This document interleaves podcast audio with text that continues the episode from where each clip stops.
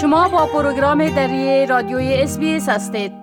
شنونده های عزیز از حدود سه هفته بدین سو در شهر سیدنی و برخی مناطق دیگر ایالت نیو ساوت ولز قرنطین وضع شده. قرار است تا قرنطین فعلی به تاریخ سی جولای به پایان برسد. ما اکنون آقای محمد نادر اعظمی رئیس انجمن همکاری افغانهای نیو ساوت ولز را با خود داریم. تا در مورد نقش انجمن افغانهای نیو ساوت ولز در آگاه سازی جامعه افغانی در مورد شیوع فعلی ویروس کرونا و اهمیت واکسیناسیون معلومات شریک سازند. آقای اعظمی سلام بر شما و عید شما مبارک. عید شما مبارک مجیب جان و نام سلام خود تقدیم می‌کنم و طریق شما عید به تمام همکارانتان و به تمام شنوندای رادیوی دری اس بی اس مبارکباد میگم. ان که عید خوش و خوشحال داشته باشند آقای اعظمی به خاطر جلوگیری از شیوع بیشتر ویروس کرونا مساجد در شهر سیدنی مسدود است. شما به خاطر ایجاد فضایی در خانه ها چه آمادگی داشتین؟ جان تشکر از سوالتان واقعا که ویروس کرونا مزاحمت در زندگی مردم خلق کرده و قویدات رو وضع کرده که تقریبا در ملبون هم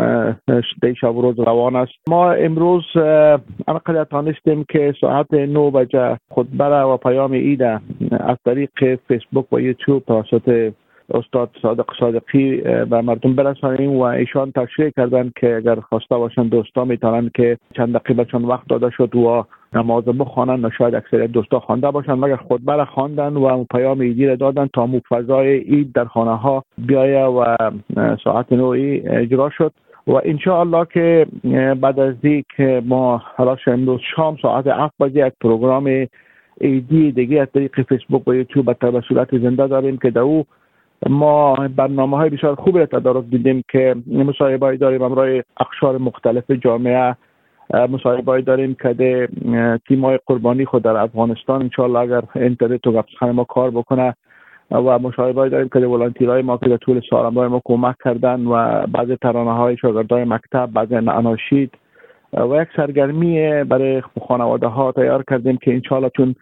باید هم اگر در خانه باشن تا یک کمی فضایی در خانه هایشان پیدا شود الله آقای اعظمی شما در جریان صحبتهایتان از قربانی یادآوری کردین که با همکارای خود در افغانستان به تماس هستین. میشه که لطف کنین و بگوین که امسال تعداد افرادی که پول قربانی خود را به کمیته افغانها فرستادند تعدادشان به چند نفر می رسد و گوشت قربانی در کدام مناطق افغانستان تقسیم میشه. برای قسمی که انشالله اگر خواست خواه بودیم شو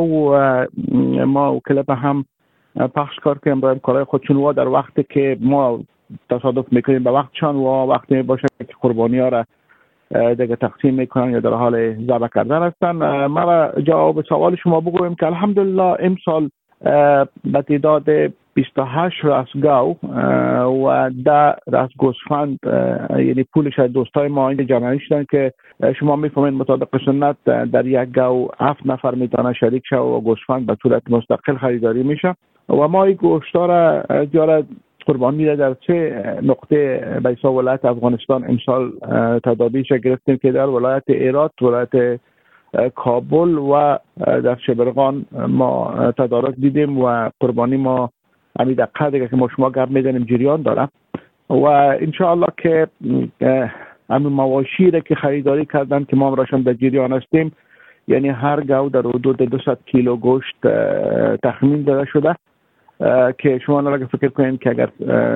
28 گاو و ضرب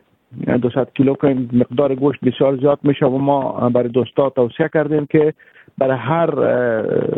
فامیل یا به هر کسی گوشت می‌گیره حداقل سه کیلو گوشت باید برشان انشاءالله بتن که حداقل بفهمن که یک قطعه یک شوشان شود. و به فضل خدای میروان امسال اشتراک دوستای ما از شهر سیدنی در قربانی بسیار بی نظیر بود و ما از همشان متشکر هستیم که به ما اعتماد کردن و همچنان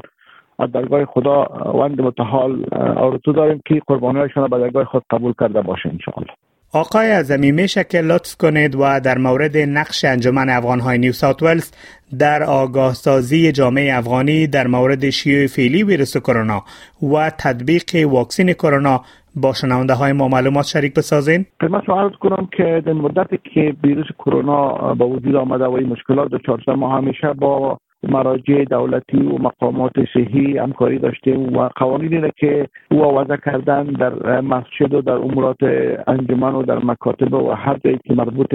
انجمن بوده او را مطابق قانون تطبیق کردیم یعنی از راجستر شدن بوده و سنتایزر بوده یا پوشیدن ماسک بوده یا تطهیر و تنظیف اماکن بوده. و همچنان اگر اطلاع رسانی بوده از طریق